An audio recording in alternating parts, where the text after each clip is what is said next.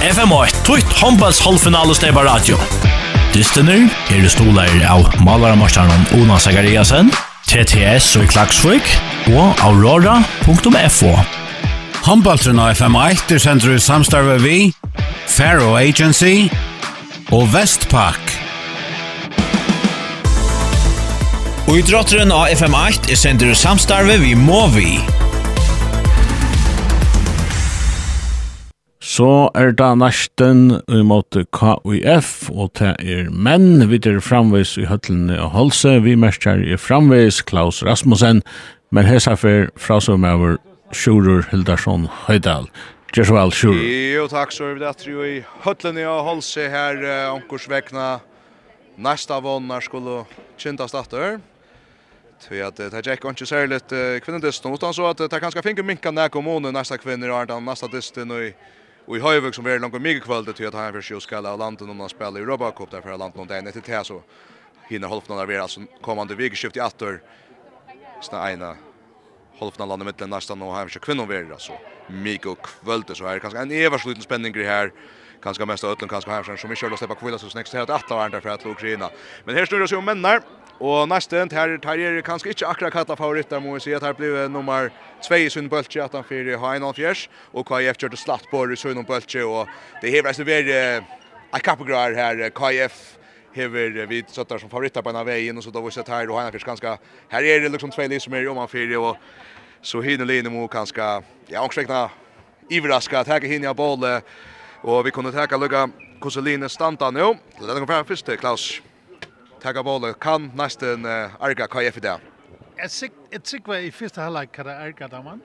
Men uh, tan fysik som uh, KF har och stötten av spelare kan göra mån i andra halvlek till nästan ska bruka en rikvä årskan och kvör tagga upp Lagarna som um, Manalin är så för Lagon Taka Udeli först KF Jakob Nittal Thomsen i mål till er Jan Paul Toft Johansen Eisne. Så är det där Andreas Nilsen Atle Hammer, David Edvardsen, Tony Veje, Teidur Johansen, Bari Dam, Fruje Veje, Nikolaj Blisnov, Hans Eli Sigbjørnsson, Niklas Selvig, Baldur Gittlason, Morsten Nyberg Kristensen, Rune Johansen, Ase Dam. Venjar Julian Johansen og hjelper seg hever han Selko Jotic, Jota, og så Magnus Jakobsen. Så for nästa, her har vi ett Umal, Ladan Abramovic og Alexander Sasha röpter Sasha Lachok och så gärna som annars är det i VF intill nu uh, till sidan i halvviran kom till nästan. Jag kände från on lands till den Anna och Jag syns nu kommer det ju tjulan sin här nice nästan att like lot. Det är att sier syns om talentet. Hannes Arason. Störst talent. Störst talent säger Claes Eriksson där. Tjena det där Hannes Arason, Gianni Højgaard, August Oskarsson, Trøndur Kraksten, Felix Kjartansson, Rokor Arason, Finnur Hansson, Pauli Høy, Jon Rowe Torfensson, Johannes Bjørkvin, Isak Vedelsbøl, Herbjørn Lava, Roy Haldansen og Jon Johansen. Eh venjar er Arnar Gunnarsson, Dejan Lachok og så er det Dorta Roach og Gurum Patsson eisini og domara Selnon. Ja. Naglagar som vi skulle hava ein i det Lushan skal hava øyrn i etter det. Ja, jeg husker om uh, utlendingar som spelar til nästan. Vi har två utlendingar som er kommet her. man vi venjan, han har lyckats som, jag vet inte om han har lockat damen eller kvart. men uh, Det är alltid två spännande lekar som eh, viskliga giver närgat till det första håndbold. Og uh, kanskje man kan hitte en sinde opp etter når man var unge og sier hva jeg kan, så kan jeg være leisende. Og jeg... Det er unge ustendinger reisende i alt det her. Jeg husker, og er landslig til dømme, så.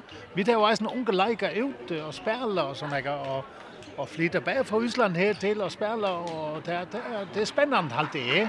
Og det giver nækker udblåstet til de unge, det håper jeg kunne Så han har vi vet eh Legend Mersle Palahøy, han har haft ett drickans ski, jag sen att han kände från oss ner 02 landslin och så framvis och faktiskt har rätt står han light ut i fjöre, kanske själv för vägen och Alltså så sa jag en Iceman Trent Jordan final här han skorade eller 15 av mål med också. Största land han han är så att det vi fick akkurat Orion ska bara spela varje tisdag match hade han säga.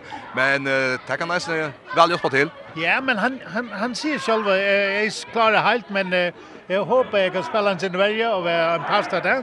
Og det vil eisen giva kanskje en sin fri i uh, nesten vælgen. Og så, så er Ølia spent og uh, Alexander.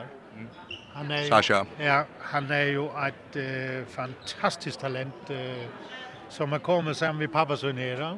Det er Vladan som börjar i mål. Han är resten. Jag alltid jag ser han spaltning ordentligt gott dyster så kanske han är så här inte ordentligt etna så det är så sant där. Ja, Hurra samt och, och det är det där att månen nu, va? Ja, nu har man tvär, så. Ja, ja, och det är Men du ska man... Okej, vi får lucka här, en minniga lödjer.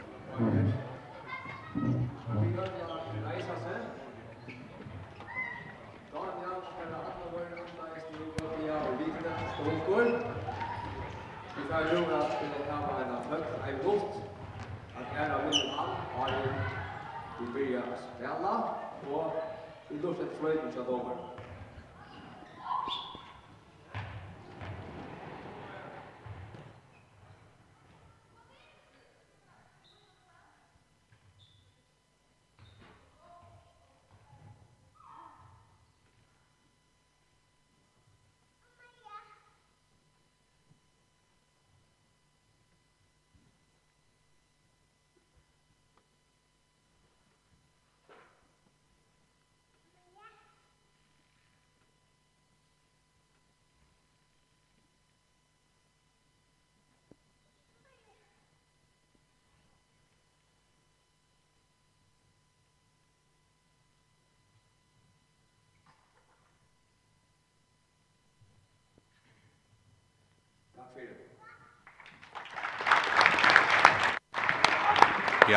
meningar ut av økker for Daniel Samuelsen hattar vore här i ja, Øtlen Høtlen och i Torsan kommune og Jørgen Vekne for Marteisene Vi Så frier han Vær öliga jobb som tjokken alltid ta Oj, vi skulle sett okker utgjør upp här i Øtlen Høtlen och i Torsan kommun. Det var det et ja, sjokk for jokken allar. Det som nå må bli, KUF och Nesten här. Och i faktiskt kom til Stebaka Fyrstene Tja Monnon, ta han första halvfinalen Charmon nu till alltså mitten KF och nästa nästan som här är välkomna i stepa kappens det senaste året var i finalen i fjör. Och vunnit där för tre månader sedan så ska vi nog se någon Klaus. eh i fjör kanske ta ta huxet inte för att här spelar in hittest och ta Ta var det nästa kanske att kalla favoriter är sen ta kanske där en särskild större kollfring ta i mål som gör dem så men eh, vi måste bara se att nästa är inte favoriter där. Nej, Alltså jag måste säga som jag sen säger kanske i första halvlek kan det vara lukkeri men så begynner det miska Orskan när man sitter i en bunchen till KF. Eller stäska stora män så det ska vi ska arbeta hårt. Fick ju ordet stund att ta Vi jökt en kvar lägger vi vill lägga mest till KF men det här hur ser till alla. Jakob Thomsen börjar matcha KF av vänstra vänster Rune Johansson av vänstra backe Hans Eli Sigmundsson in Jamin jag kan nog fröje Veje och högra backe Morten Nyberg Kristensen Robert Scholte här och han skorar ett light mål och högra vänster Niklas Selvig in i strikne Tony Veje och jag måste bara säga au au för några någon så så stilla upp här sitter vi Galalinon ner. nästan i Alibi 1-0 till KIF Morten Nyberg vi hoppeskott jag högra backen. Nog så einfalt men öle med och öle tyngt ju som skott nummer som man säger. Vi tar nästa läge som där ständer. Vladan Abramovic i mål, av vänstra vanji Johannes Björkvin, av vänstra backe August Oskarsson. Och minet Sönder Kragsten, och högra backe Felix Kjartansson, och högra vanji är Hannes Arason och Inja Sikni och Isak Vetspel. Nu nu tvåta nästa men bulten borster till August ska spela sönd men bulten för Roman för Och man får runt nästa mannen och så för KF i alla batter. Fröje väg för bättre fram så Morsten blir tacklad sönder för fist och att nästan hon väl sönder. Nu blir kill av Moni här vill säga. Ja. Morsten Nyberg Kristensen. Kanske vi då liksom se han så spärkligt en kapgar kom igång då han börjar rulla väl där där Klaus. Ja, han han visar sen kvart han har byggt av. Stora med och komma i fel och han är rink och stäckat där man ser. Du ska längt ut för stäckan till annars går han mål ser jag runt med som kommer Danmark två landslister för Danmark och vi har skrassat det för det nu. Spel nu i KF. Ein av mongon lam om bakken her skulle helst se at her kunne Niklas Selvig høgra høyre til. Er luxus som kanskje ikke felle i førjen hadde brukt han til. Røyna krossa bøttelen stigna strikna fra natten Kjølver og så spiller han vel inn av neste strikna Rune Johansen. Rune Johansen ferden i gang. Ja, alltid han gjør ganske synder. Itla av i første jätlöv. Han skulle häppla på böttelen natten og så spelar han Ola Vägkost. En Ola finta, finta i allveren går man av strikna och i hinnan gånger väl Chaka IF i vägen. Nästa män är farna fram men just ta August Oskarsson att att fighta sig ett hål i KF vägen så blir Bresten ölig och tar dömat Sjok emot August. Han checkar vid domaren att KF kommer in från Syn eller så ös. Spelar väl stäcka till att han vinner bräst i anlete och är så fått natten syns onödigt vi. Kvar detta att det skulle vara dömt tråk i mot honom. Alltså 2-0 till KF, vi har spalt i 2 minuter och 20 sekund. Och gå Brian till KF med Brasilien i banan då. Ja, och, och det var ju så här som vi snackade om Arden. Att nästan ska viskliga, de, de må renne og kontra, de må bruka Oskar, de må täcka ordentlig opp. Så annars så, så kan KF vara här som är hemma. Vad är det där? Runa Johansson innan Mina crossar weird till Morsten och så weird Hans Eli skjuter läkt ovanför och så kan nästa färg upp Johannes i färbulten och skorar. Väkors akra shot av Malö. Första bilden nu från nästa någon laten. Ölja kvikra får fältra bulten och ta den färden också han ovanför en skott från KF Frans Eli. Och så centrar han öl öl väl om han om att Johannes Björk han färden främst men här är några rejält touch i mitten och och stor hött där som så bara ska sitta det där Johannes Björk sin avgreier øyelja vel. 2-1 til KUF, vi har spalt i trutjar minutter. KF i alvjater. Niklas Selvik upp på hötta vi en skåde så är det Han kommer in i mål i vänstra backe och han släpper här skjuta. Ja, tror med linjen ner och tar han väl och skorar 3-1. 3-1 till KF vi Fröja Veje. Och så stjälar han själva bollen åt Fröje. KF har nu Albert Rune Johansson främst nu. Och han räcker stunds ut, Han räcker stunds ut. Ladan Jesu står han sprillar vi bäge armen och benen och jag vet man färra lite på att spela den hooks kanske men bättre ja kanske han lyckas träffa armen John och så står han ut så kan nästa fram att oj nej att KF är om att vinna bollen åter otroliga sen KF är Nikolaj Blisnau kommer in för Morsten Kristensen och vi vägen där tror jag att KF framvis nästa ju albo 4 minuter farner Nästa man köra Atlas har kvarnir gongur ikkje lukka slepp Trøndra frá vinstra slepp jøgt og skyne brottskast. Ja. Trøndra Krakstein Trøndra Krakstein still going strong. Bryter vel jøgt når åtta skyn her. Mot store mann og akkurat dette er brukt for ganske. Ja, det er åpenbart snakker det snakker om. Vi må i hesten her så KF vinner hesten her. Trøndra tar sjølv brottskastet og skorar vel. Östrana löti och så lägger han han om man för axlarna av Malvian och Jakob Thomsen och i KF Malmö. 3-2 till KF fyra en halv minutter. Och räknar känner jag att stövtalvan hon är kanske inte galen fyra. Nästan. Jag känner jag kan jag förbli också väl men uh, bara spela månne. Ja, och och alltså det är ju tur att det vill gärna ha var Mostan skifta ut i vägen. Och och det ska det vill nästan. Långt så just. Ja, ja, men det är simpelthen Och när han är där längre så så Björkvin han han den och allt och det tar det att jag mån i första halvlek. Ja. Och Kjemi Morsen inn i mål til Europa. Kjøtt av Vladan Bjergar og KF er i toren fra Nøytdalop. Tar Rønna Gjera Kjøtt, ja, er veldig nice å takke det ferien av. Livra Sinter isolerer Ivre Morsen Kristensen, Eimond Einon og Kjemi godt skål, men gå Bjergar fra Malvera noen. KF-erne lenda bøtten, han støkker nok lengt ut av vøtlen og tar det fire måneder for det ganske. Så det er det, ikke bare ganske. Mette Morsen första press i åter och så blir dömt till en allopsvittla. En allopsvittla blir dömt till Rune Johansson som perger han tracken om. Och så kommer nästa man fram fram igen. Nästa man fram fram igen. Sönder upp Henka och räcker på och kroppar sin ja Kajeperne och så kan Kajeperne framåt. Släpper inte fram för så kvar där i ärjatu. En ärbilge. Boja Sinti, Rune Johansson er på batsjon, så vi er til fria veie. Rune Støres leiser en takling, og til etter sakker ikke, men det er guldkors og Isak Vedspøl inn i Astrikne. Frykast til KUF, 3-2 til KUF. Knapper 6 mot farne. Og Isak Vedspøl alltså.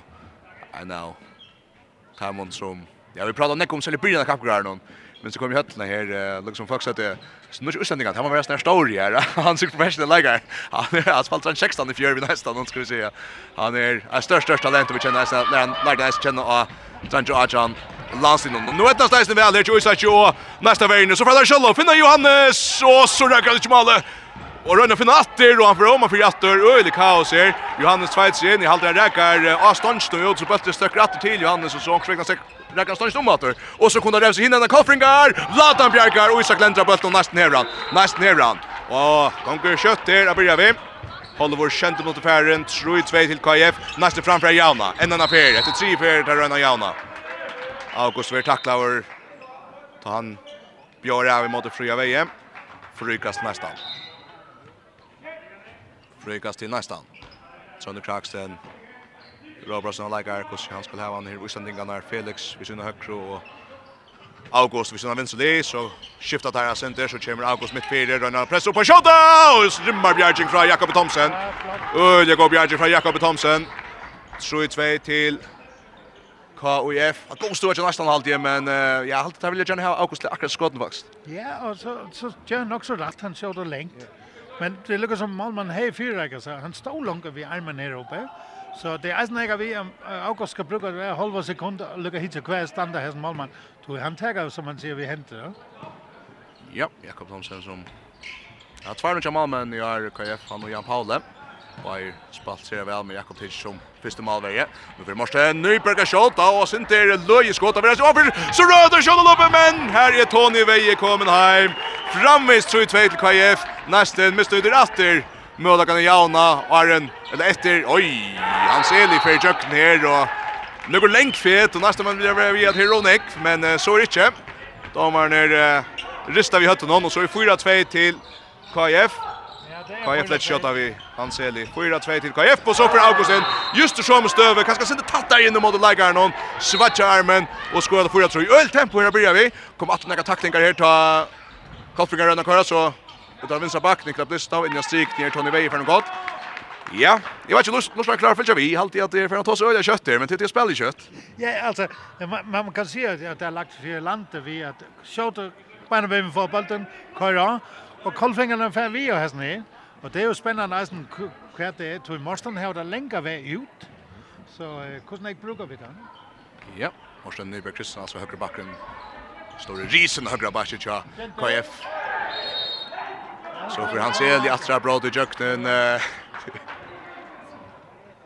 Så för hans Eli att det bröder Jöknen har tacklar i Österlöt i alla det guldkors in i nästa värjene. KF att alla KF 8 4 3. Och jag fått av förra. Morsten lägger första pressen. Så Fröje undrar skott, rymmar undrar skott. Fjälle bultar sönder för Malvera någon vi vi jag brukar kroppen som skölter tja värläggaren och stryker i målen näga mittfyr gammal nu. Så vi Jans Björkman här lite plats och avlöjde plats som vi tacklar var. Men här vad säger heter är danskar för jag säger två två kuskata för som gusttåg komma brästan i mot kunde och skojar för. Men så så tar så då först ja, så tar det så fair nu. Ja, men där är stuttliga så det är nästan så eh högra alltså vänster suje som är pressar pressar pressar pressar. Oj, så spelar du högre kan man nej. Synder till vilda lätt sönder hicken strikna i vissa synder så släpper han och synder sitter på fot i åt högra back. Felix Rafaelsson och Felix Charlsson minkar mån till 5-4. Felix Charlsson kommer jucken. rättliga längt ut i högra backe men släpper att han jucken och sätter han högt i målet. 5-4 till KIF. Felix Charlsson minkar mån natter. touch minutter, Farner, knappt här Kaja fast i alloppe. Store Danen Morsten Nyberg och högra batchen till Stora Føringen fria vei och Mine. Slipper fria mitt fyr. in i det. Så innan strikta. Bøltrinne leser. nästa men får Petron och sitter själva og för noen. är inte først i Adlevo. Prater om Mina. syns han. nej så sitter August Øyla fjera. I grønne skjønte Trønne Kraksen. Han lever inn. Bant mitt fyr. Stepp frøyt visst takler det. Så skjuter han. och ska vara frykast best. Frykast bäst veie for gullkort. Fri veie for gullkort. Ja, ja. Om nekka riva støy, så Trønder Kraksten er, han er alls ikke nekka gammal med, over helt ikke håndbollshøpe.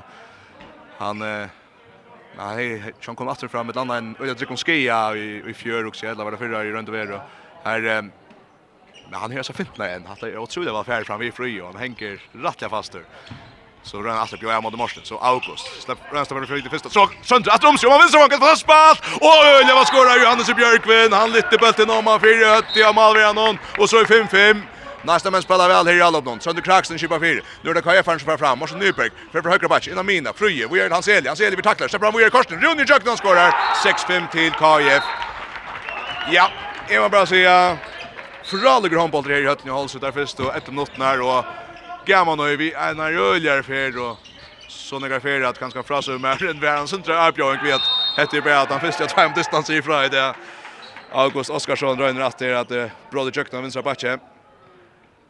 Ja ja. En att öliga tempo vi där och det är deilig att sitta första handboll vi som man ser fotla för och allt vi och gänga här Vi der ikke ser nøl en eneste vær i 12 minutter, så det viser eisen at det er tvei li som vil spille håndbold Randa att jag spelar handboll nästa men oj så går det galet till August han missar bollen kvar på Petron kastar fram till Selvik och han ser i främst Selvik från Petron mål Shape him till KF och det går så kött så måste vi göra såna misstag som August gör här han släpper bollen men han släpper den i Ångamanland Och så är det ja, Berg, Hans Elg och Selvik Kvarne främst där. Redan bara i mitt fyrgen ta hurra, hurra fröjer.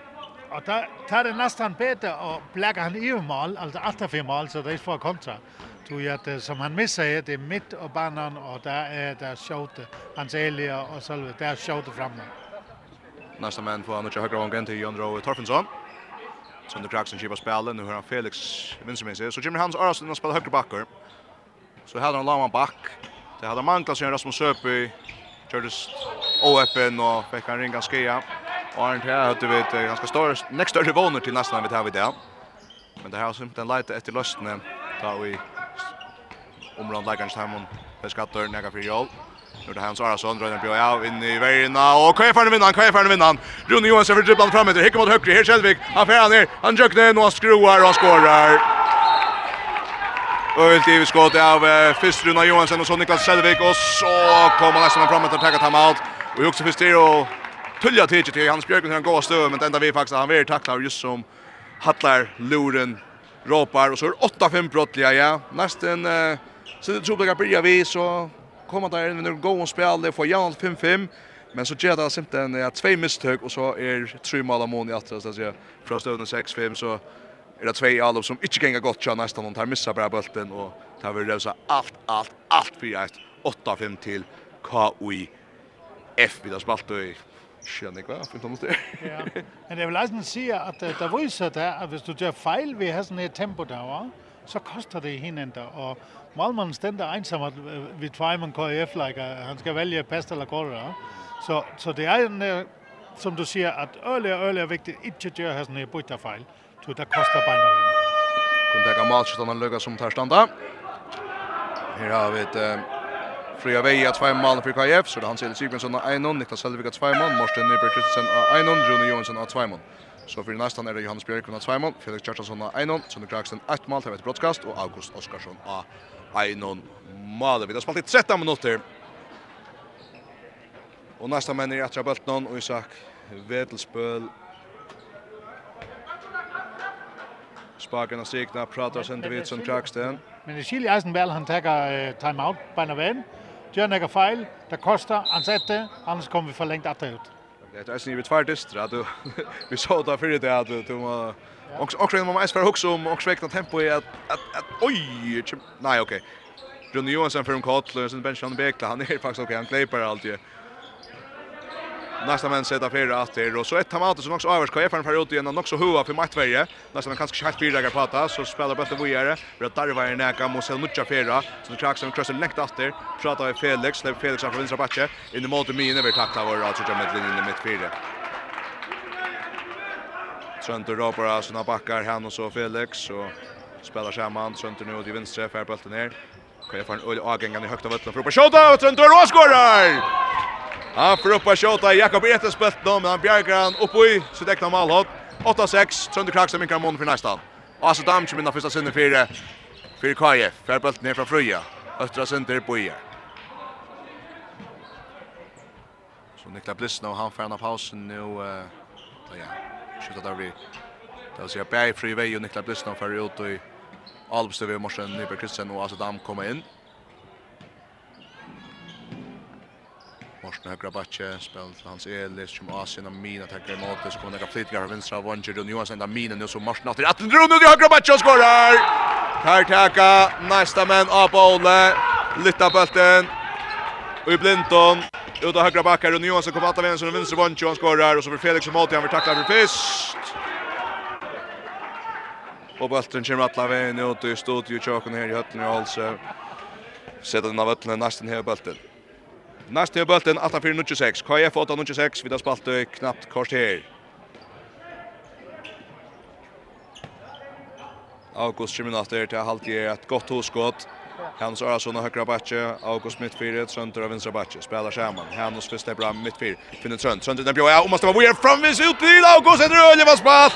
Och August skorar, släpper i jökten, nutcher sig, och troliga god timing från nästa måndag här, Sönder Kraksten. Spelar sig över någon öliga gång i Alveringon. Och så för Hans Eli in släpper i jökten och skorar. Hans Eli Sigmundsson. Touchar sig. Det spelar kött. Där svarar ja. Och spelar gott. Ja, det spelar kött och gott. Släpper bollen och andra blir tacklad. Och där hänger nästan en sände ett tur att det får ju ordentligt färdigt i bak mannen och bollen. Och som man säga att en KF har två fantastiska vunk som avslutar. Ja. Tutsi tjej til KF nu er nästan Jalopet Söndru på skott att mitt fyra han släpper till att öle gott hoppeskott. men Jakob Thomsen är fullständigt styr på det här och Bjerga Bulton tog bättre för nästa men så för Bulton alla vägen ut till inkast nytt all til till nästa Stäpper längt upp om blockarna av KF med som fruttskott så är hoppeskott mitt fyra Men Jakob Thomsen vi går Bjergic. Så det är August. August. Björja Ottarskyne och massa försök. Akkurat inte. Akkurat inte. Frukast nästan.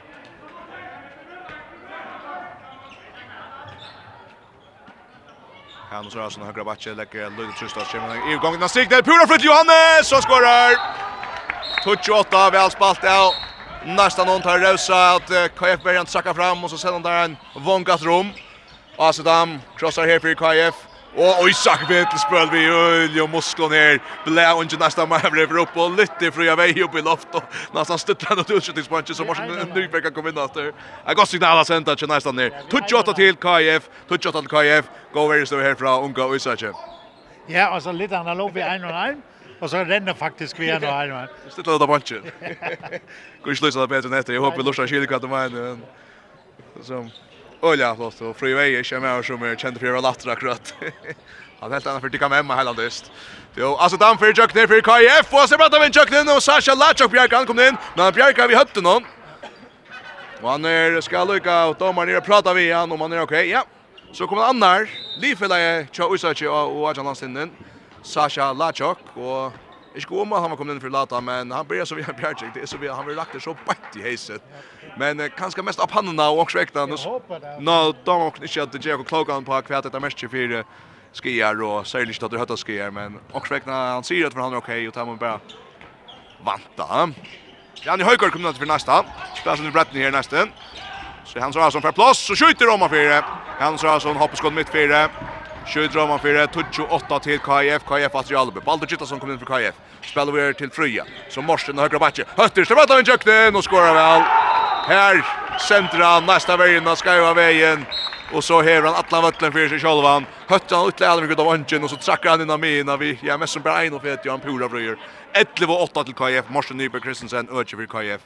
Och han är en stor mer än han kommer inom. Tror jag han är han och så han lamme og Henka i Malmö har faktisk en chans. Här är Ja, Jan Höger har plats i August Augustsson plats. Oh, han vill tackla Arster. Och sant vill jag helt säga ganska.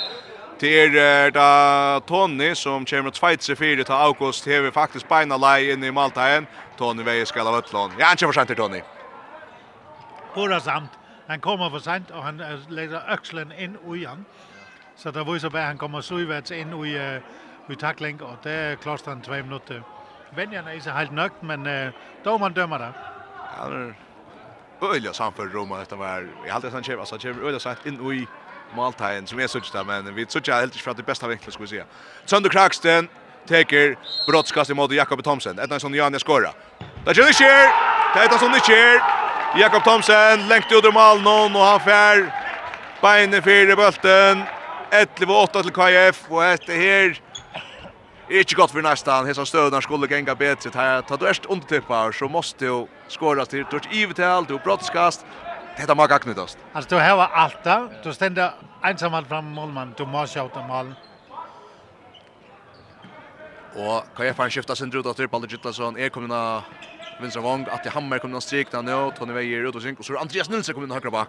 nok han la om bakken her, så där kvarta fyra, Så er Morsten Kritsen faktisk da, högra vong, så kommer inn och batchen, tjota, oi, oi, oi, oi, rimmar mal.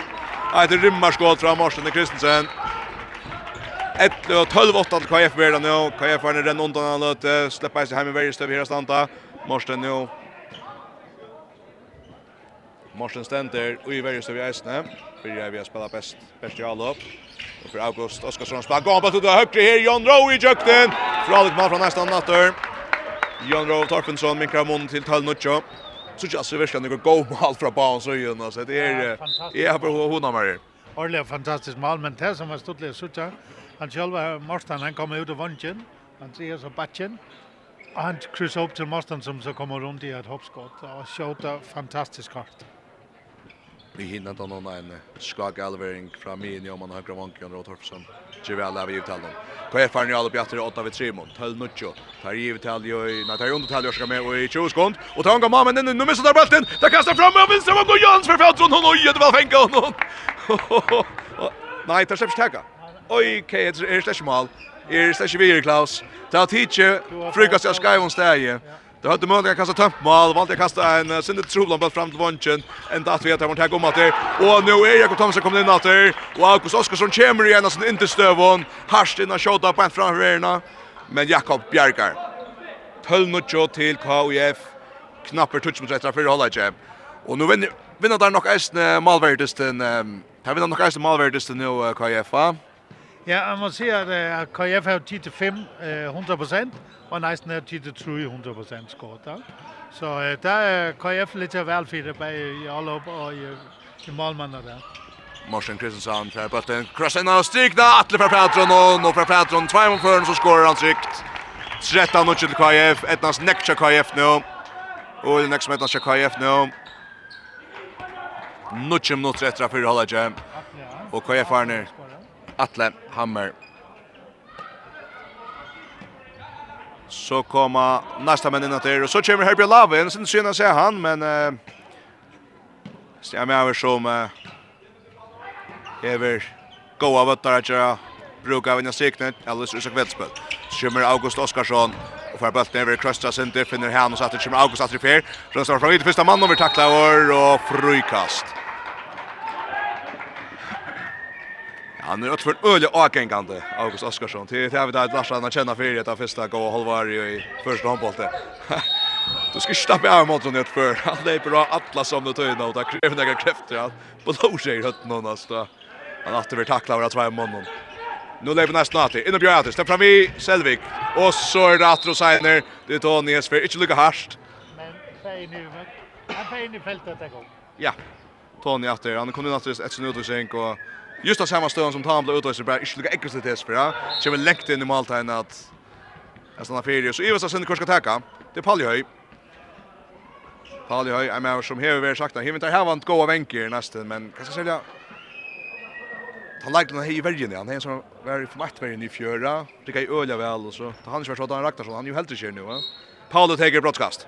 Skå ståndsnöd, det är faktiskt Jakobs och Per Bjergis alltid.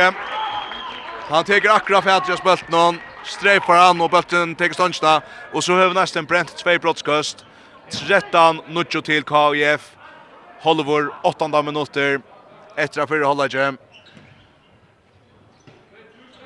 Och KIF KIF rätt ju alloppe. Morsten spelar väl fria mittfältet så har vi en så.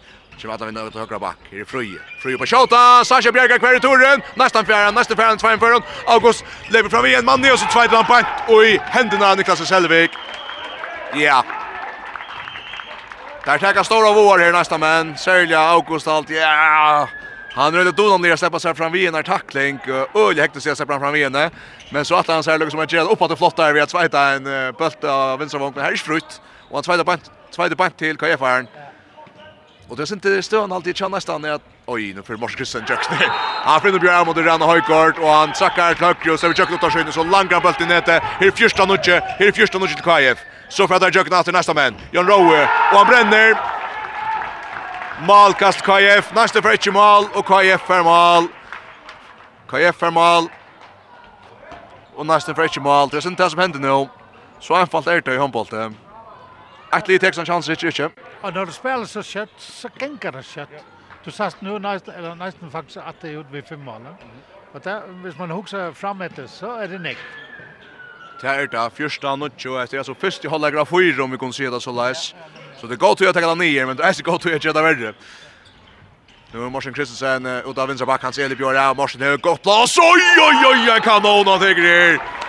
Ja, ja. Släppt av standande skott så är spänt av brottskastlinjen och han tankar bulten upp på det inte. 15 och till KIF. KIF i Fotlund hamrar aldrig här. Det är nästan han med som Ötlund stövon och i hinnan då ner. Det är nästan han stäcka nästan hon och så att rätt att det inte nästan hon vi brottskast så framme så bränner nästan framvis. Månren stövt växande för Tøyna, lat dem søkja hvordan nästa menn klarar seg her. Rani i Ramine till August. Bjørn som tjänar för. han er jukta der, och så ska Mors, eller Selvik, av Øtlenon. Han er Bjørn mot Selvik nu fyra distans i nu och faktiskt om fram vi öl ofta, för ikke tve brottskast med landa. Och Hesper, han har bi om han får Selvik utvist Och og det har sagt nej nej og Hesper sa det, okej, jeg vet ikke, nu ska han ut. Fifta nutjo til KIF. ut av söka nästa någon. Ta senast sett nästa inte att mycket mån. Kan känna nu August på hänga. Rimmarskott. Rimmarskott från August Oskarsinne. 15 touch. Nästa mycket mån vi sin första mål igen galet. Ja, vi vi snackar näka om August, August, August, men August har vært skåret tre mål. Ja, men det är han som björ av alla somna tøyna. Ja, det är allt kommer från. Det är två månader straff, ja. Så August har en stor likelihood att kosta gånger til næsten bare nu. Og där där må hende eisen begynne den tackle så man ikke bare brukar en suja och så det är väldigt viktigt att det er flere som melder sig til en bär August. Ja. Så det var hinna skynda kom för att Rasmus var vi. ja. Har du ödäkt alltså ja, nu är det omvänt. Han har tagit ankra till Albert och det är också något som ska Rosson för Jason alltid. Han ser i färd ner och han hoppar i jökningen två mot förron. Händer vi Alenta. Nästa men sen brukte Nick Fett. Domaren säger nej, det var bara att trea fete. Och så skorar han 16 touch. Hans Eli skorar 16 touch till KIF. Hans Eli Sigbjörnsson. Ötcher och månen attor.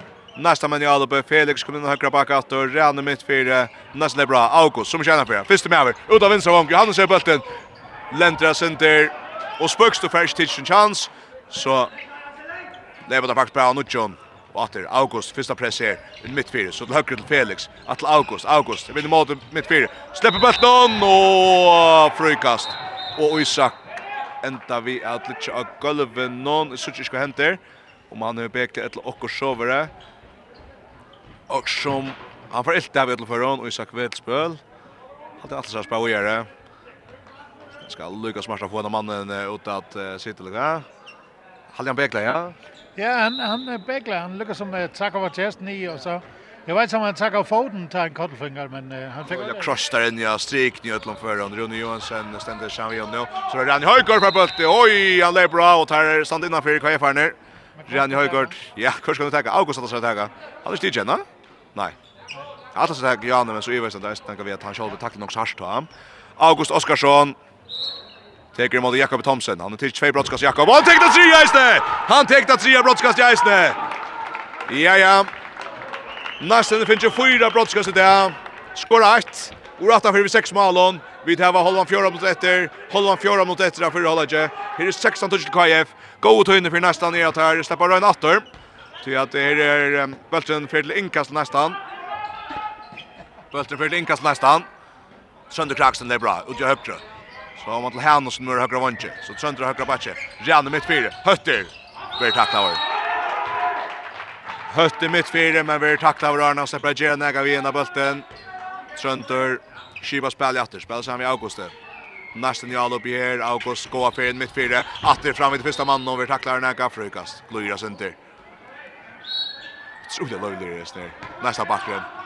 Er tar man lägger mest mest til, tar man ner till nästan för höjna sig lätt när Rasmus Söby det skattar. Söndlägg näsning mest till så rör han i högård! Skorar! Nej, det rimmar skott lätt till högra backen och lankar upp och tattar av målåtne. Jakob Vertiga Sundra boll så där till. Så för att köra framåt. Nästa minkar månen till 16-11. Rani Höjgård högård vi rimmar skott. Att det är nästan så att och lurt efter men spelar ju för att rumma det så det mest ut att jag shot i hot nu som man säger. Men det var en tur vi så Malman han bevegar sig slett. Han står bara hukte och kör bollen. Man man man vart inte spelare ska komma tatta målet men han sätts och rymmar fast och gråtar så upp i målet. Otroligt flott mål där han har gjort. Nästa minkaren om om 16-1. Men som jag säger, kan jag förna Sverige eller ofta att vi går och mål så själva. Hela fröjest där första man någon, inte nästa man någon och KF tar time out. Vi tar vart 2 minuter och 3 sekunder efter av Fyrra hålla ikke, KF er nere tega ta mat. Jeg kan lukka tega hvordan malskjøtt han er standa. Morsen Nyberg Kristensen i dagsens toppskytte vid fem mål för KF. Så innan KF har en Rune Johansson vid 3 mål, Niklas Selvig 2, Hans Eli Sigbjørnsson 3, Frie Veje 2, Atli Hammer 1.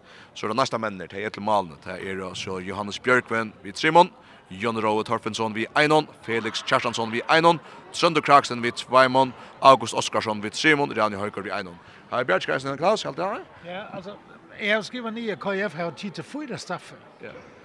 Truja? Nej, fyra. Skåra? Fyra? Nej, truja. Ja. Tror jag Staffe, ja. Akkurat.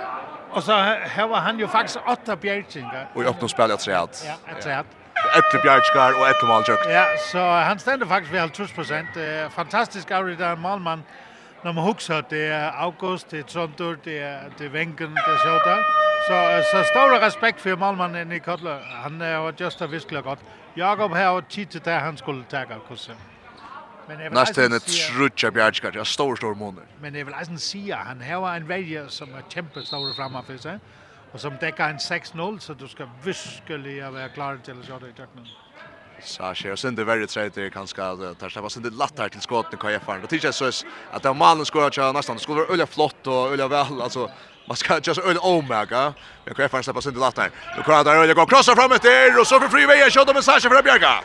Så för Sasha en Bjerga trätt. Fjóra nästa bjärgingen i dag. Vladan Abramovic blir annars in i mål. Nu fick han sjunkra halko bjärgskar. Gott tid, altså godt Lise at det kommer inn. Han kommer i fotla vel, der spiller en bak-bak all vägen han skal bare komme upp og så sätter han han sätter han faktisk midt i mål. Ja? Men gott tid eller lukke. 16 efter till KF. Åh, nästa men Rönald släpper fram igen annars inte hur är Verje heter chefen för August mitt för en annan affär och på skott Jakob Bjerker frukastarn. Rikast där. Ja, där Lukas Mudo tar sin hatt av August, alltså Niklas ut ju hans ett och faktiskt så har jag August fötter han faktiskt, men han är inte klar för bulten eller nästan. Han är inte klar att köra bulten skulle jag säga. Ja. Så Kraxen spelar ut till högre rand för Akra Fjällton så bryter han mot Joman mot högre upp till Leise kan jag han. Kan har bulten? Jag vet inte hur så här så bulten ända i här och Jag vet inte förr hon hettast av KF och det är sin det söna dess någon att det är så det lätt att vara KF i dag. Ja ja, och det, men men jag hållt eisen det fiddlar mer KF i det. Och och du må få bollen skött runt hvis du ska ha en chans att vinka eller stigna. Vi så inte inspel till stigran än i, i nästan. Och det kan en trubbelager. Ikke plass. Nej. men, men så kanskje han skulle gjøre mer i kantskinning, så han fiddler mer og skiljer, eh, som man sier, veien är det. Ja. Och då får Morsten Kristensen upp på shot, och han skorar sig satta mål.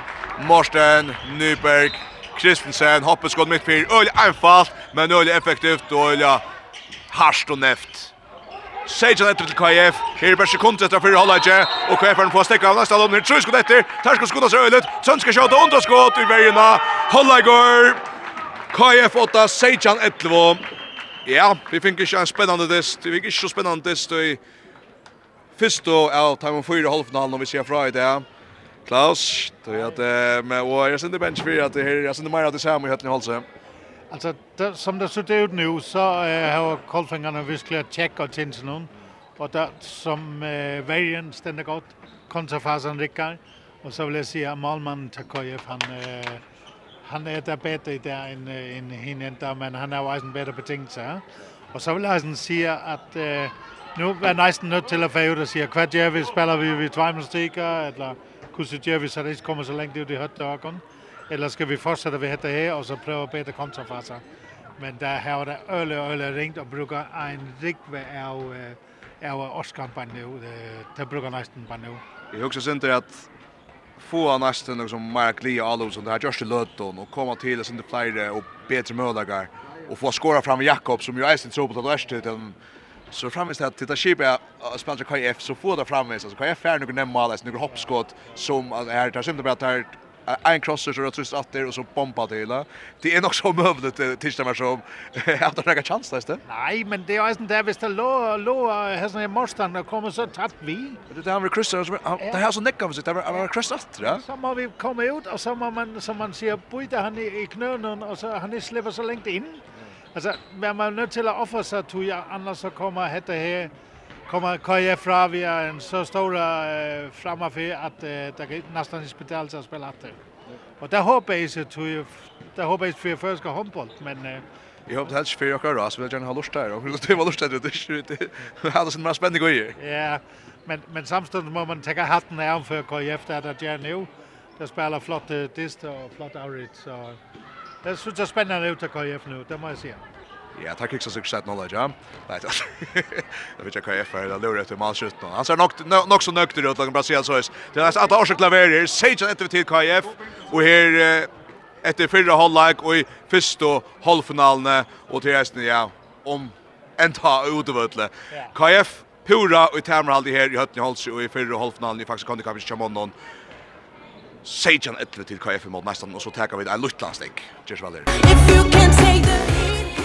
Walking on uh, Fire, jeg vet ikke om det er det som Sjurur Hildarsson Høydal gjør, men uh, Sjurur, vi kunne feknast om at uh, Håast uh, Tønder tappte 28-33 for Grindsted, så hever Theis Hodd Rasmussen skått seks mål i det, og det er oloksalja flott. Ja, og jeg vil si at det er slik som uh, vi var offerne langer, han er Her finnes han han han han hävdar att det strans den mål och Estefan Flyer inte eh Sean uppe här att det är inte endast han vinner en otroligt mot Grinstead som alltså är i uppflyttningarströnen här töntar och tar ju kanske synd mer i fältet nu. Jag känner vi skrek nu haft att Klaus Rasmussen sitter inte vi synar och nu Ja, gott två halvan timme och nu är han akkurat färdig att örna till fyra med så är det kan akkurat ut där han tror att man löter så kommer få Engstholm kanske. Låt oss han kan han helt. Men öl är värst annars ska det helst göras. Jag spelar Klaus ska bara repa sin när familj så för Viking är igång nu klockan 5 och vanligt att fråga gänga väl här så. Tar för en smyr här. Sejan ett vi är alltså här till KUIF nu att det är ett nytt störst talent av strikne Jerzy Dreyer att sätta distan i gång till Isak Vetspöl av strikne nästan Sejan ett till KUIF. Vi tar lukka malskjutan ner från hålla ikke noen. Eh, nästa män så var det August Oskarsson med 3 mål, Johannes Björkvin av 3 mål, Jon Rowe Torfensson av 1 mål, 1 mål, Felix Kjartansson av 1 mål, Sønder Kraksen av 2 mål og Rani Høygaard av 1 mål. Så for KF var det Morsten Nyberg Kristensen av 6 mål og vi behøver Pura og Gjørde her via Gjørde til nästa Det har var der Atler i regn skje så jeg helt å si jeg KF er nu. Rune Johansen av 3 mål, Niklas Selvik av 2 mål, Hans Eli Sigmundsson av 3 mål, Frye Vei av 2 mål og Atle Hammer og Einon Sejan Etve til KUIF. Tusen takk for Klaus. Klaus vil finne med en drekka mån til at Rødden oss der Ja, Pauli Hoi. Han er løy for jokken. Han ser spørsmål av verje. Han blir en jall opp noen her. Og fer bølta vinstra vann. Jo, tar ikke han utrolig vel. Og så får han inn, jeg ser, 5-1-verjene som han etnæs vel vi. Som han etnæs vel vi i fjørselja. Og i innan någon så ettan snack kanske nästan någon vi är sönder häpne till att Niklas Selvic är med fri jakten och han oj det är nästan oskyldig han skorar. Han hamnar bara till där på honom. Och så lämnar han och säger oj jag vet inte. Han är taget gott. Men det är det vi ska vara fri jag går när man täcker en femma. Så det gör det plats att annars där. Till vänknar och det här har några öliga goar kan jag för. Eh två goa vänkar eller fly gå vänkar kolfinger så. Det måste jag också. Framme Sejan 12 till Sejan 12 till KF Nästan minka vi en hon här i sätten hålla inte. Kvart har nog stäck ut i högre här nästan. Så tredje där som mot vänster Tröntor. Kraschar som sitt Laukos men till och för sig. och så färdar fram Kaje för en skottlop. Till Tony för att han själv och så Bjarkar Sasha. Jag Asenter ja speciellt skottlop och Jag vill säga, är det sen här så första sen större skält vi hattar ens Tony. Sejan Tull till KF. Knappt 2 minuter kvar ner. Kan jag för en nonchalant det kanske att han får fram igen fyra man så det är så strikspärren säger vad ska att FR upp jag är för att skjuta från tjämmen nu.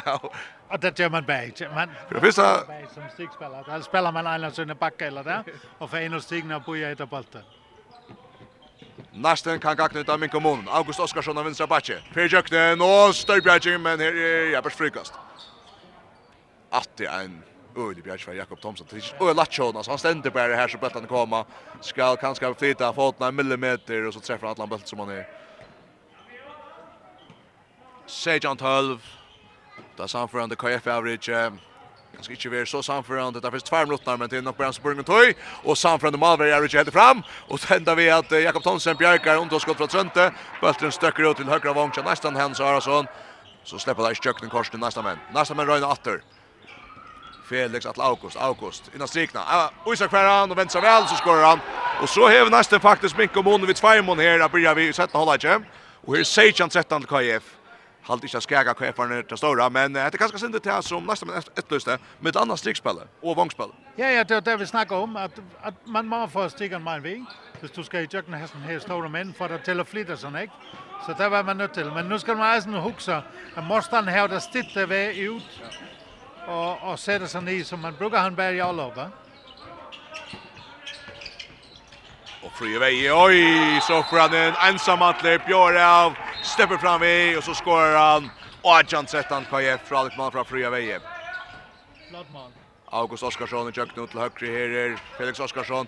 Där Felix Jim Jackson. Oj, så att stigna och Isak var fält honom och han vill helt den just som han skjuter av igen. Niklas Blissnow, hur helt Jonek och Niklas ska ut i 2 minuter. Han tek själv Isak. Ja, ja. Jag vet inte. Att det ser sin Scholz men det kommer Vire sticks teker. Brottskast. broadcast. Här det är chef oss vi nästa men men nej even they scored där Isak. Han lyckas hålla skruvat fram med Jakob ner högt läkra. Och att han första alltså är ner och att han lägger en tja. nästan i hela frakta sig från honom ett land och i Sanchez 16 steg på finalen. Och Sanchez tjå på finalen i fjör. Och så kanske också inte han att det var så tulliga vi så som Max man har bollen men tar var Lucas som helst blir ett större nästan. Risa större största lenta strikten tjänar nästan någon. Fyra mål av Monaco till KF och vann det för KF. Men Jag gärna öde mån nästan nu i tvärtes tvärtes där. Han ju domar upp här det just att gå till KF ner här är undertalja han kommer vinna. Marsten ut det och så han ser i plats för Jöknen. Broadcast. Broadcast. Ja, sen där Michelin går i vägen här tja nästan alltid det här knappt jag sen hans Eli och några den hycker upp sig. Oj, ser plats och så lever han jökten och så drar den för nästa men Andreas Nilsson för att ta brottskastet. Andreas Nilsson. Tycker mot Sasha. Lägger bröstet från August som att Andreas pura trycker. Pura trycker. Lägger malver ner och så lägger han bulten högt i målet. Nøytjan fjørstan til KF, Andreas Nilsen i brottskastet. Og etter syntest, han kjennes han distan til. Nå kjennes det som nesten i bria vel her, der første fyra minutter, fjørt sekundene, og setten holder ikke. Men KF framvis i totalt hemmeralt. Ja, ja, og, og, og KF er jo undertalt, så, så nesten må se dem over. Og så er ikke meg fyrre. Tror jeg at det er nu der skal innhente hesten her nøkker mal, så det ikke kommer for lengt etter. Ja. Nu lägger nästa men att dra här i uttalen. Sönder Kraxen ut högra back Felix. Vad det är svårt som blir som någon utchon. August att Trönt Trönter. Höster att Felix och så kött ut högra vanket är väl spalt. Hanus kommer jökte. Nu har skorar väl. Hannes Arason minkar månen i fyra mål åter. Nujan 15 KF nästa minkar månen vi Hannes i Arason. Väl skorar Eisen Bulten sitter i Ulrik går Alver enkast att vi Ulrik kvickliga ut Arn KF på plats men han ska lyckas så på färt av bollen Arnas in. och där Jan Elst löt ju så vi har faktiskt inte crushed där skora väl korsne. Jo, men så hänger han så långt. Ja. Malman var nött till att jag akkusta. Och där skorar han då. Lyfter bein och lägger under Marian. Och nu är det att det så här otroliga huvud huvud för matchvärden kan nästan som etnas ska sälja väl i fjör. Det är Pauli Höjs som är främst här. Ut i Orek vart men han ser mitt vänster fram vi och så skjuter han och stannar ut. Nästa för bulten och så är det kapsen fram åter. Nästan här finns jag med här akkurat sak inom linjen och så kommer han Bergjeng om att Janseli och så Bjerga Sasha vid Störbjergjeng. Pura fri om skottet från Hanseli Sigmundsen och så för Sandrivet. Finner Felix Kjartansson. Rönström fram igen man och Benta Marsten mitt frukaststråk och allt annat. Ända vi en frukast nästan. Nujjan 15 till KF Ja. Störbjergjeng från Sasha Lachok i nästa mål. Någon tar det här törva om det skulle gärna. Det är så spännande efter. Nujan 15 til KUF. 6 minutter og Angels kom færen. Så krossa der. Nästa väntar tvätta bult i borster. Där tvätta bult i borster. Och så gånger kött. Rune Johansson ska Jesse Omak. Ut av vänstra vången flyger för och så är han sel i jakten. Och hese för Svöjger han inte. 20-15 KF. Ja, og at det er faktisk det at KF er ikke ikke rett av seg skjøtta dem. Det er faktisk tvei tvær skæver, altså Rune, at han ser fra skæver, tvær og så bøyer han bare, og så er han selig frøyer. Ja, ja, han ser han ständer på hänt ut av vanchen av boja. Får bulten hoppa högt upp, skora. Flott avrit. Flott avrit av KF efter 2015 og et er efter det. Kjenner kanskje, er det nu nesten 20 minutter dist. Nei, det er det ikke. Men nu rann åter. August Oskarsson. Vi er til Trønt, Trøntur. Tråk upp till mot honom. Han lever på inte kroppen känner jag KF ärna. Och så får KF ärna fram etter. Rune Johansson för fram. Innan strikta. Bulten sin läser. Öjligt är bulten. Och Rune fram åter. Om att han ser Bojar, og så spørste vøttene til Niklas. Kaos akkurat nu av vøttene. Ja, og Rune Johansen alltid hesver om han missar bølten, og om han tveidan borster, og så får han alltid sjølvor, og hesver om han sender han til han fria mann. Men det er nästan nästan väldigt kommer. Man manglar erfaring. Man kan ju se han manglar erfaring men normalt stäcker man ju upp. Sen det stövar sig han tår nog snäck va. Han kan ha det största stad i. Nej det det hoppas. Så han är sån öliga fixa alvering som så inte ett nästan akkurat. Han får bara åter vill avvärt varje det som vi såg för Paula Höj. Det är helt annat. inte annat klara lite like låten till det så. Nu alltså tacklar Asad Am. Go very faktiskt nästan om. Helt annorlunda uttryck när vi är färdig vid Paula Höj. Ja, alltså Paula Höj har alltid just här framme. fantastiskt talent till att beväga sig och sucha kvar på Det är Morsen, han är plats! Oj, oj, oj, en kanon! Ja, hade kanske att han armen som gör så han nu finns landstis till fyra danska landstim med landa eller bara att han är ju spattar flyr landstis Men med annat här runt där och där står ju han hur spalt och att det är att att det är pure och Jerry Vias. Han får alltså ett gott fet utanför tror jag med Linda läkt ut i högre och han bultra bulten i målet och så är det 21 15 till KF Morsten Kristensen vi så någon skönta väl Ja, men men Eisen där han sköt inte tillsammans där. Ja. Han sköt uppe, han sköt nere han sköt längt, han sköt stort. Ja, så ringt att ta sån Men nu spelar nästa men väl men där skor inte, där skor inte, där skor inte. Åter öliga kvickliga spalt fram vid tackling någon steppa i köknen och så kommer där till gå gång möjliga högra vänster. Men Hesever Hans Arason som annars alltid är spaltan gådest. Han skjuter och länkt, han skjuter fram i målet. 21-15 till KF, nästan för ett mål. Hoast, där släpper köknen. Ja, och, och det är ju det som gör Monen nästan. No? Där sitter vi beina vän så er det sex mål. Alltså det kostar sånn ikke hvis du bränner. Tog KF är så sjovt, och så här var det jo Som man ser Marstan i, va? Ja, Morsten Nyberg inne pressar. Så Weird Hansel, han stämmer tjock att värna. Och det var Färg Hansel Sigbensin inne och han skorar väl och så 22-15. Shea Malamonen, nästa man kanske fram efter. August och Trönter, Trönter mitt fyra nu. Inne Björn Au, släpper inte första mannen. Weird August bulten sitter inte. Frikast. Frikast. Ah, ja. Yeah. Femta mål till hans Eli. Femta mål till hans Eli. Han är själv kom gång helt jag vid på i, man är slags nej mest man kanske nu är sett hålla i över han finner möjligheter och det bränt jag sjockor så. Ja, inte några hoppskott men han han ser på jökten. Oj, så bättre om man har läst nästa måndag på han efter i frukast. Det är Nästa man spelar kött, men det verkar som det här ordet tämmer där bulten till gång så kött. Ja, men Eisen, nu betinner han ju, han har kämpat så näck och just så gott August. Nu begynner uh, det viser seg feilen. Nu missar det bulten. Där missar han bara ur håndene, og så fer han ser litt dribblande, og han er Oj oj, oj, han bjerger från Sasha Lachok. Ja. Helt en standard bjerger. Ja, hans Eli kommer fullständigt fritt for mål, og gjør det rett til å hoppe opp og hitte målmannen. Men han tager det vid beinet, viskelig en, en Belching der vil nægge, det må man sige. Ja, Tog verre för nästan så vart det skakna till att alla upp till att bulten för upp under loft.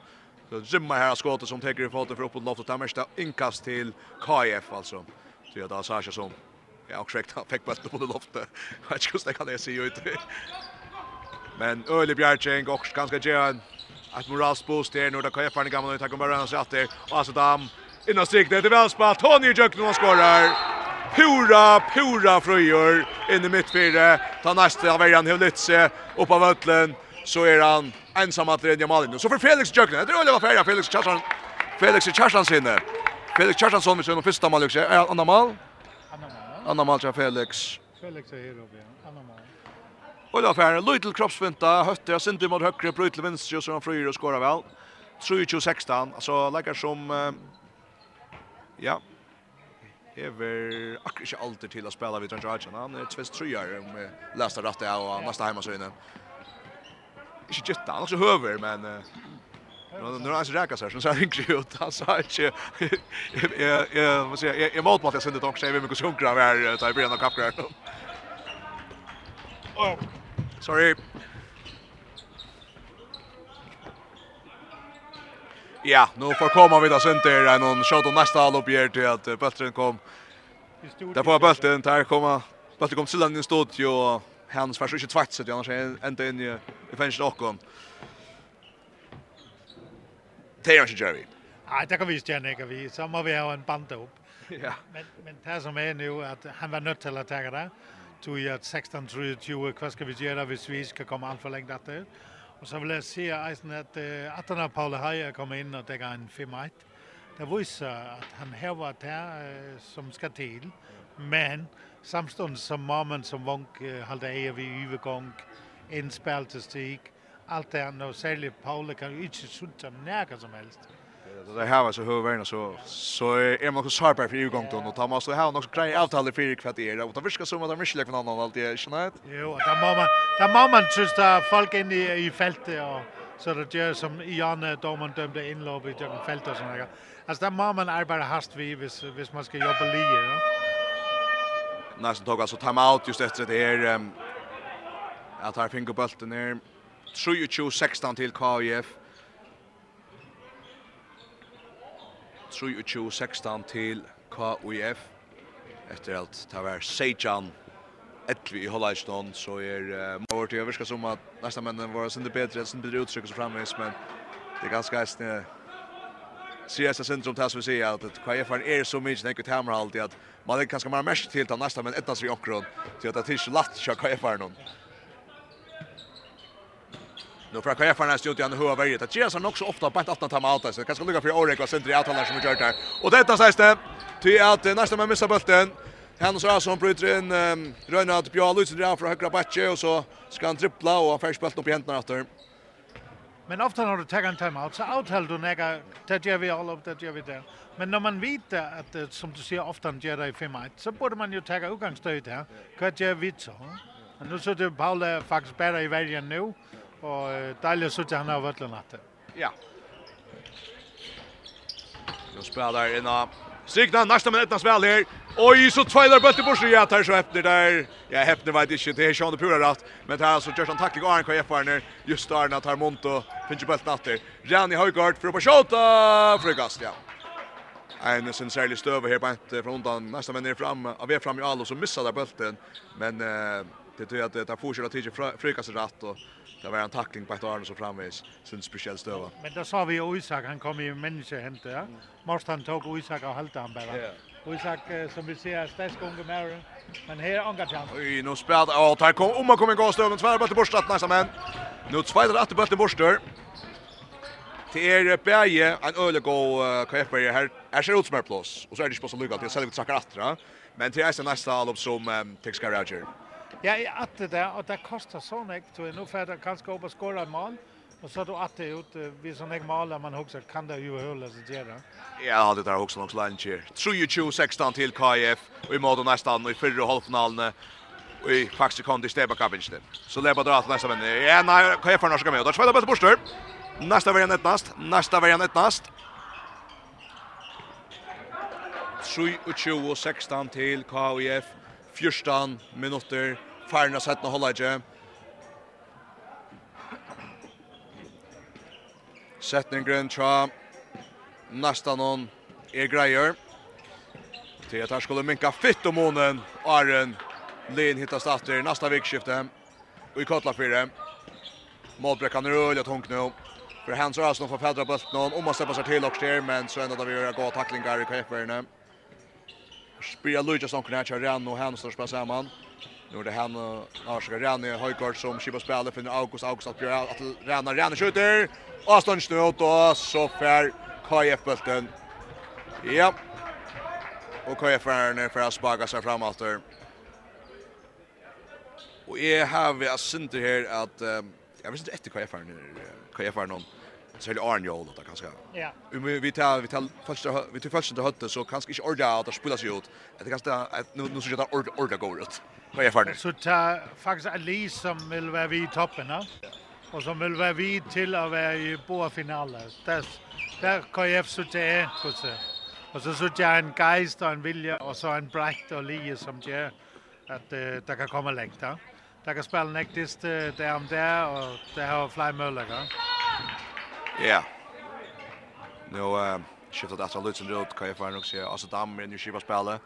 Frie väger nya stjärnor Morse Kristensen. Han sätter så mitt fyra för att ta fädra bollen ner. Tony runt sista. Vägen efter så kommer nog skifter som Morsen först. Och skjuta Penta Sasha. Sasha vi en Bjerger. Inte det bästa skottet från Morsen. Det är annars Sverige helt likvärdigt i det men så fram nästa men framåt August. Öjlig fyrare. Vill renna färs bättre bollen från Frugasaren. Frugasaren Och hatt det syndet teater, allt inte så kvar för en just nekta.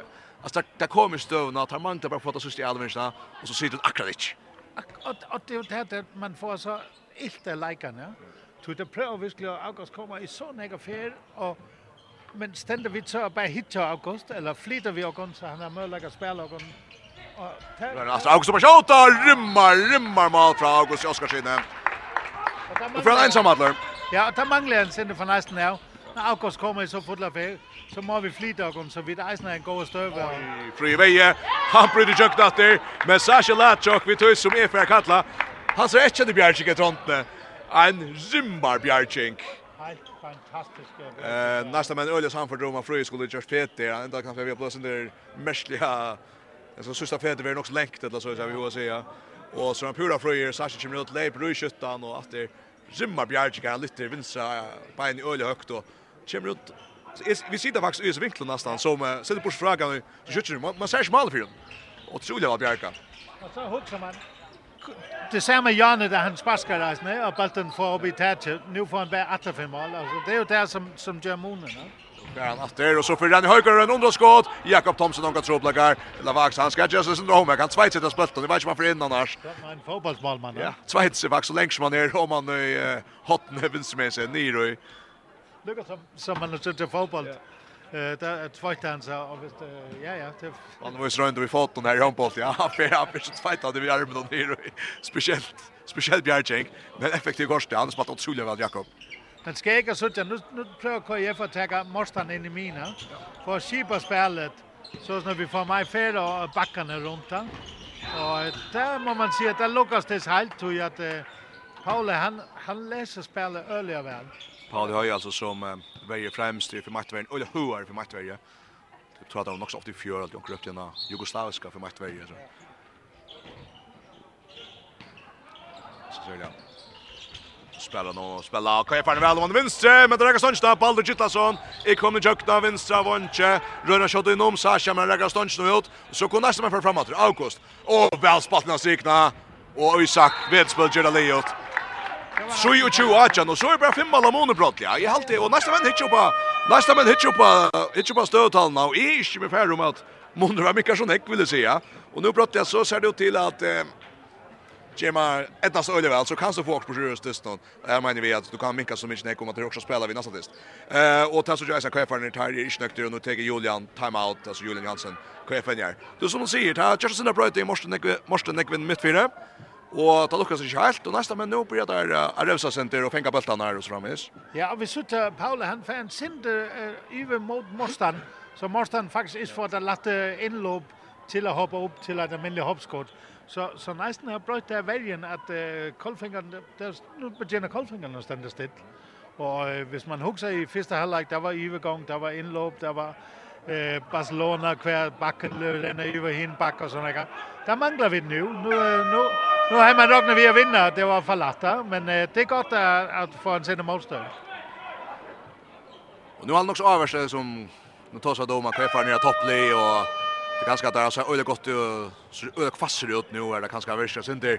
Det har tagit sin latt har vunnit jag synd men inte vunnit så alltså inte knusslig när sånt där om så säger. Och nu vet jag vad kan komma in vid nu om tar om tar orda på ökte mon åter. Ett lom att ha vi också spela för kommande veckoskifte. Och sen nu över på Sean är Klaus han han Sean Chambers in fel men Det är pur utan helt där så jag kanske jag hoppas jag kanske att det blir en spännande nästa för att det så. Verkligen är det blir spännande. Jag håller det är så viktigt att vi får några goda handbollstester och det är ju här man lär några det är akkurat det heter ungespel lära några. Bär för KF men så sannlig eisen från nästan En ung spelare till KF för Balgita så innan lägger press mitt för det och så för Fröjena skjuta men han skjuter längt om han för det. Fröje vägen några väl om han för det. 23 18 till KF. KF är inte mål här. Og så kan nästa mycket ner i fyra och är det framme 11 minuter efter. Och efter första avloppet efter timeout så att han rätta grej out alla där skulle krossa frö upp. Men det hette så skönt. Nej nej og det og det var ofte det her som som man ständer som vänner og snakker om at det der der vi gör. Og så hvis det Lucas till Kvesso. Nu lägger han nästa men åh August skorar. Harskott Jakob Brettes spelt nummer Fritz rundt nutte. 23 nu. August Oskarsson vid sin femte mål. 23 nu i till KF. Goer touch mot etter. Och så missar bollen till Paul från Själland. Paul Höj för dribblan fram efter. Så kan han mycket månen från Simon Jakob och skorar. Paul Høy mycket månen ner i Trojmala månen, ner i Trojmala månen. Troj och tjo tjo till KF. Och ja, nu så tycker jag så spännande hur så KF han kom ut att han tar alltid? Han kommer inte själv väl ut. Nej, alltså det det lyckas som det här var det jag hade att det skulle bara spela bollen runt. Men vi såg ju eisen en nästan som en neck my geister att han har Paula kom in. Paula renner rundt og irriterer alle tøyen. Man har ikke ordentlig funnet en løsning eh, til KF, hva man vil. Så jeg, at, eh, jeg vil si som det er, det er ikke kilo. Oj, nu gör det ska vi men det där runt för högra vänster och stig det fantastiskt pass korsne. Och sen då där. Där ska vi out der teka, der spiller ikke Tony Veien en stig som er pura pura laser. Så där spelar man høyre vank og av høyre vanke så kämpar en stig og så får Tony bulten og han skårer. Men så kommer han sent sent efter till han ska toucha sig så mycket nek. Han har syster kvar för natter och så kommer han sent igen tackling och efter han sa han färsade är ju utvisning det. Så tar han iväg av Ötlund i två minuter efter att han just har skapat sindra för lösning i KF innan. KF alltså som efter att ha haft han dessa totalt hemhållande nu har givit så mycket borster så att vet vet om största lästa var tjejen åtta. Nu spelar nästa vända strikna och Isak Vetspöl. Mikael Månen till 4-21. Alltså är som det är pura pura brötter. Alltså är vi hamnat i Jonsson för säkert som är men nu händer det också. Ja, och deiligt så att att det är visst du är så klar ja, men så kostar det. Att att det visar vara att förska mans eh deilten är att att kan visst du är så klar ja, men så missar du bara. Och han ser om det KF eller har en eller vad det är. Så med dem man väl maten att man arbetar på hästen är. Nu så vi Paula Høj, jeg kommer langt i vi i akkurat så jeg. Jeg vil se venstre så jeg til næsten. Tog jag tog att eh Morstan är ute. Ja. Morsten är ju högra backen. Ja. ja, men han blev mansvärd. Ja. Kan jag fan röna efter? Att fire six på Andreas Nilsson kommer med Eismars Kristian. Andreas vinner strikna. Så han ser Eli. Det bra. Tråk dömt mot han ser Eli. Tråk dömt. KF Fär bulten, och inte mamma är inne men nu kommer han in och tar Östjörsson och kött av nästa män att där vidare där. Så att det går att ge sig den bulten i målet. Men alltså efter så nästa dit så kommer Minka ner i två mål av måne. Och tar sig Jag säger ju han hade hamrar en onsant. Alltså i hade faktiskt KF det är ordentligt sant att det har spalt fram i Orvel men det är Pura som säkrar upp nu. Det är Pura som säkrar upp.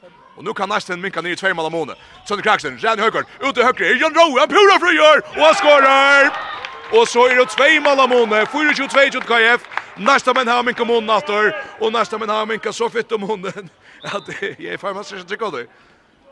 Jag tror att vi inte tror för det, jag tror inte man tror det, må jag bara säga. Det är, är pura vänt i hållon. Kan jag farna spela i undertal i touches kont och ta för att få Malvern så innan det så det som så inte säga. Men där skulle lösas här för tja, nästa någon. Marcel Kristensen in i björja av att till fria väg. Och man skjuta! Sasha Björgar näste fair bulten! Nästen fair bulten! Här kommer en blocker av Huxi och Sasha får fädra bulten Och så fyr nästen i allop. August vill ranna, stäckar av. Jag vet inte, han tog att ta med på Jan Julian och ta var inte snägg vant jag för. Nu hade nästan bara tackat upp en väg. vägen. Ja, det var nødt til, men som samstånds, det var en øyelig dårlig utvisning. Tony, han, godt være han skåret, men utvisning, det koster. Ja, nu är det Sönder, han går plötsligt till högra vänster. Gör Rowe i knatter! Och så bjärgar Jakob. Men kan jag förbälten, kan jag förbälten. Han tar ju nästa man har ben någon utlinkas läggat. Ja. Så det är ju också. Ja. Det var det som är Jag också är bara nästa åter bult. Du blir så offentlig men det har man velat ta. Nej nästa med blint och jock nu finns fältron som mistan. Det sista petti ut han var vi ut. Men detta var gott för KF. Jakob som gångt efter. Han kanske inte manglar några tar chans blå så fram urväl där först och fjärde noten eller så. Ja. Nu lever KF att Morse Kristian in plats ut högre. Om man fyra, om man fyra, om man fyra.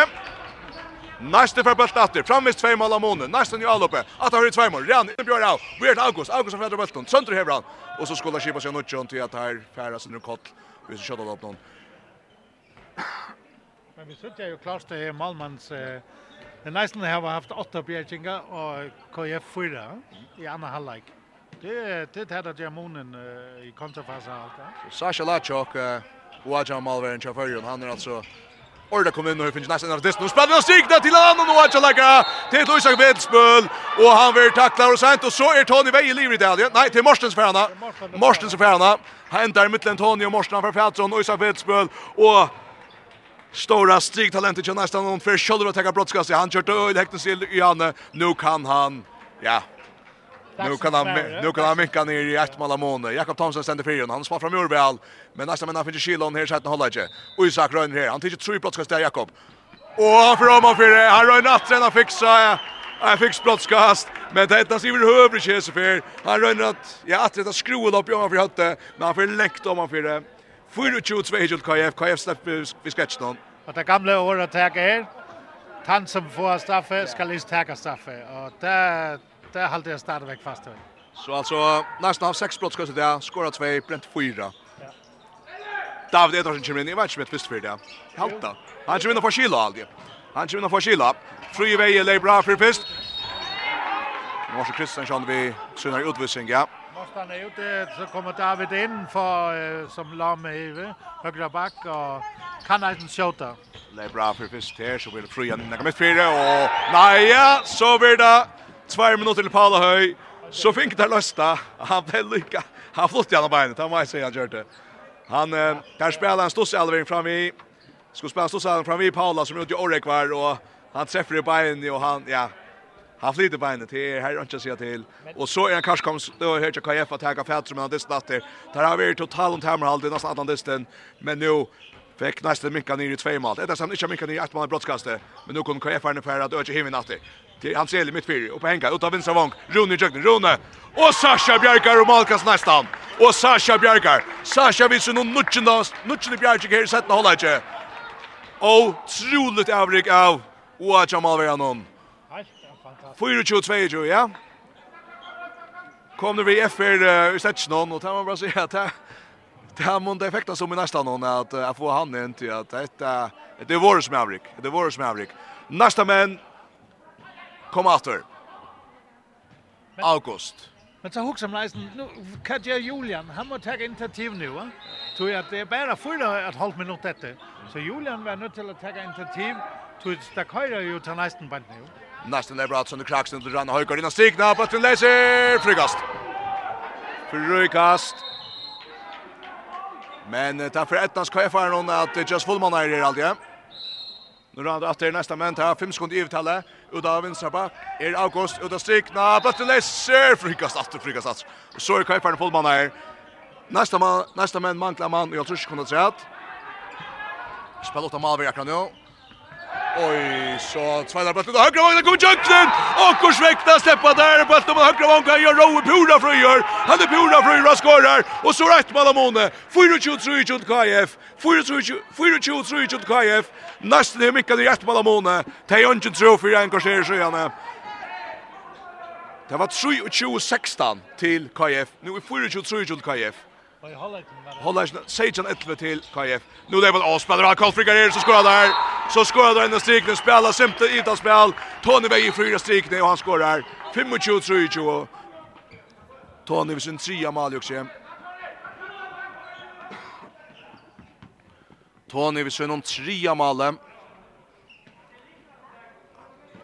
Detta blev en otrolig hotäckande dyster korsning synte særligt. Detta må vi fra ta som han lever. Hur heter det? Hur ska det Vi har vi har vi har kommit så stövna. Nästa men Jalo Bjatter. Har haft goda gång men nu kan jag få en hans för åter. Kunde så nästa men något som haltar fram.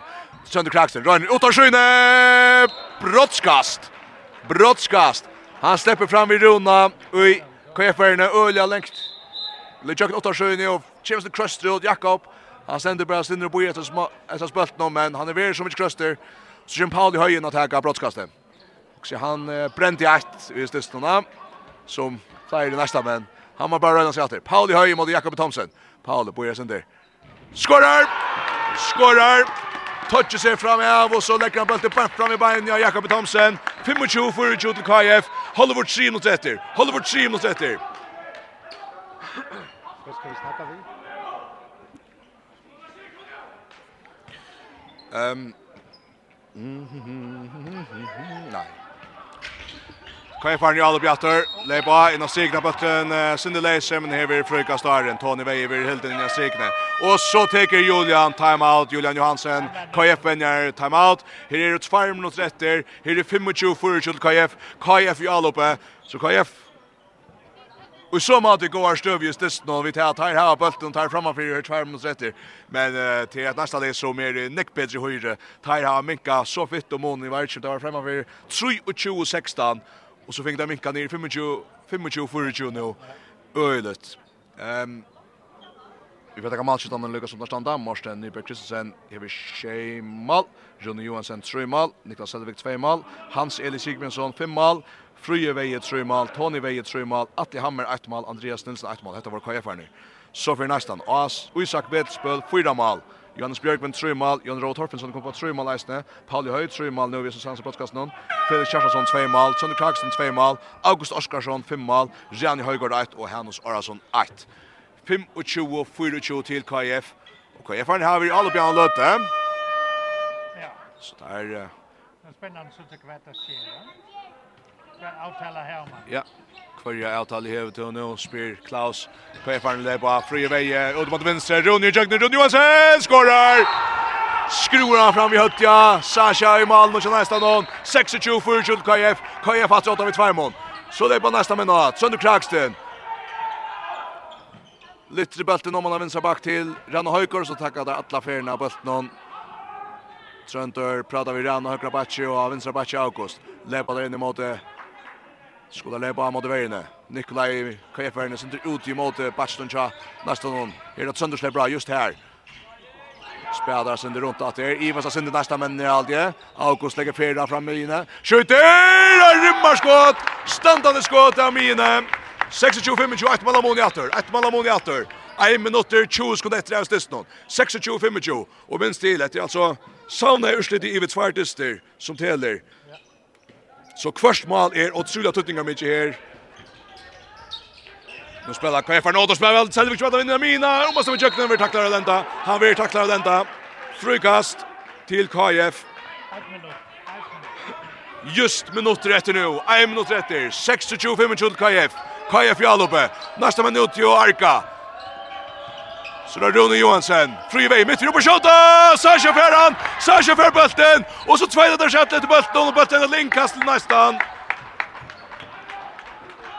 Distrum returen framför målet till Sasha Lachok men Niklas Selling för Berslien ut till inkast. 26-25, 30 sekunder etter, og neste spiller for Janleitje nå. Neste spiller for Janleitje, og det har vært våre som urslitt etter hendandisten her, ja, vi såg det nästan och i varje stycke så skulle det spännande för Lorstern Klaus. Jag var alltså ett kajefli och i totalen tämmer alltid och i ja fjärde minuter tror jag ser kanske 22 16 var det 8.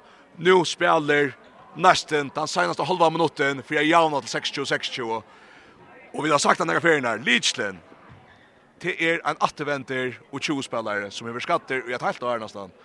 Pauli Høy, han kom inn og spela 5-1 vei, og det her var hva for en subtapt vi. Og så er Malvergest. Det vil jeg si, Paule Høy har just det godt. Han har forstyrret så sånn at skuttene Iva skal få inn i mina, eller hva skal det skal. Og det er ikke finnes flow i spillet. Og det er det som Kolfingerne har stått troblegger vi. Men jeg vil eisen si malmannen Alexander, altså han har haft tutje bjergene i andre halvleik. Og i første halvleik heter fem. Så det var han og Vladan sammen. Og ta var det, ta ta seg ned om han kjeferne, du vunnet så samförande målvärdisten ta vi såg det här i förra halvlek HKF 8 Bjärskar mot 5 og ja ja och så og så satt hållet nu 5 Bjärskar mot Tuchich till nästa va ta ta ta se ta blir hon på något anfall där så så så ser man kvitt då jant efter Vi kommer inte sen så 20 sekunder nu, nästa spelare för Janlage, nästa spelare för Janlage mot KF. Här var väntes att det är Sonny Kraxen spelar till Johannes. Bötter läser KF fram, tar han touch skott över, tar touch skott över, tar boja. Där har var 6 sekunder, tar kom nu in, tar boja ölet. Så läckte det högra vank och nästa slag upp i loft, det är rätt skott efter där skottet över offside. Leot 26-25 til KF. KF vinner fyrre og halvfinalene, og i faktisk kom til Steva Gavisen ikke månen, men til neste menn som færre feknast, ur høttene og holdt seg det, til at KF var i full, fullkomnen temerhalde, det var fullkomnen temerhalde i det, var i 8, 23-16, Ta nekkresta i oi, og spår vidt i verst og hvordan dette skulle være spennende i det, og ikke minst hvordan dette skulle bli spennende kommande vikskiftet, Hvordan skulle det her etnast? Men nästa men onkur svekna fingrar där brott jag stäcka KF Olpen KF Olpen stäcka pura stå upp. Och KF har vinna alltså 26-25 men i Ivestoi hur så fäktnit här är det